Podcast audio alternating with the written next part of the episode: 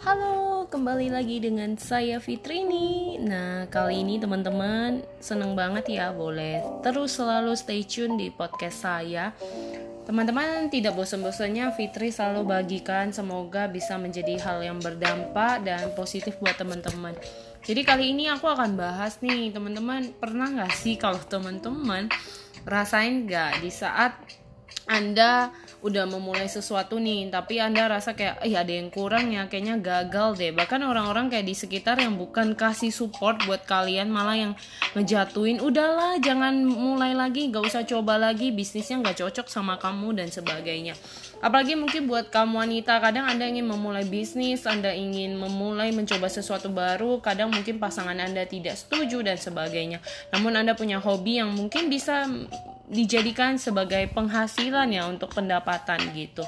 Nah teman-teman biasanya bagi saya juga ngalamin ya kadang bisa ngalami up and down kadang banyak penolakan banyak ta, apa hinaan orang mengatakan kita nggak bisa dan sebagainya namun bukan itu yang menjadi motivasi terbesar saya saya kembali lagi merenungkan mengevaluasi diri saya setelah itu saya melakukan satu hal positif buat diri saya yaitu mensupport memotivasi diri karena motivasi terbesar itu bukan orang lain tapi diri kita sendiri jadi di saat kita down pun teruslah untuk berdoa, terus berusaha dan pastinya semangat dari dalam diri kita untuk kita terus berjuang. Di saat kita gagal tidak perlu khawatir untuk mencoba lagi. Di saat kita gagal bukan berarti Anda sudah mengakhiri hidup Anda atau Anda tidak bisa sama sekali.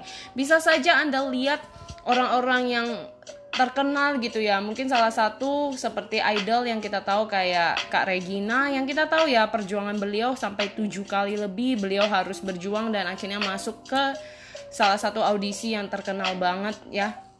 Nah, itu juga yang kita bisa pelajari bahwa kadang baru satu kali aja kita udah ngeluh, kita udah nyalakan keadaan, kita merasa diri kita kurang dan sebagainya. Justru kita tidak akan tahu sampai kapan, seberapa banyak proses kegagalan yang Tuhan izinkan buat kita di gembleng habis, buat kita siap nih supaya waktu saat kita di atas kita ready nih hadapi apa pun yang akan terjadi nantinya. Justru di saat proses-proses inilah Tuhan kayak membentuk kita nggak sih, bentuk kita benar-benar jadi manusia yang seutuhnya, manusia yang benar-benar bergantung sama Tuhan, manusia yang benar-benar merasa bahwa dirinya nggak ada apa-apa. Justru kita harus mencari Sang Pencipta kita untuk kita berjuang juga ber uh, bersandar kepada Dia gitu. Nah, buat teman-teman uh, mungkin hal ini secara spiritual gitu ya tapi saya percaya bahwa segala usaha kita tidak akan hianati hasil apa pun yang kita lakukan. Di saat kita berjuang, percayalah akan setiap impian, goal kita ke depan. Walaupun orang sering menganggap sepele, memandang sebelah mata. Tapi kalau kita yakin terus memegang kuat impian kita, percaya kita pasti bisa. Jadi kalau Anda gagal, bukan Anda menyerah begitu saja. Di saat Anda mendengar hal-hal negatif dari orang lain, tidak perlu khawatir karena saya percaya setiap orang sukses pasti mengalami liku-liku kehidupan di uh, dihina lah ditertawakan tidak disukai. Namun kita tidak bisa selalu menyenangkan manusia.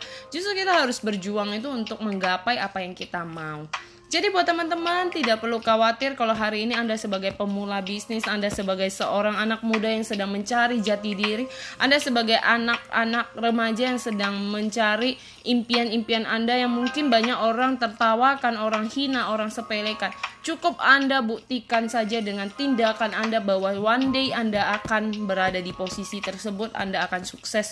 Bukan seperti apa yang orang katakan, namun seperti apa yang Anda impikan dan Anda jadikan itu pegangan buat Anda lebih baik lagi dan bisa berdampak buat banyak orang. Selamat mempraktekkan, selamat berjuang, lakukan yang terbaik untuk orang-orang yang kita sayangi.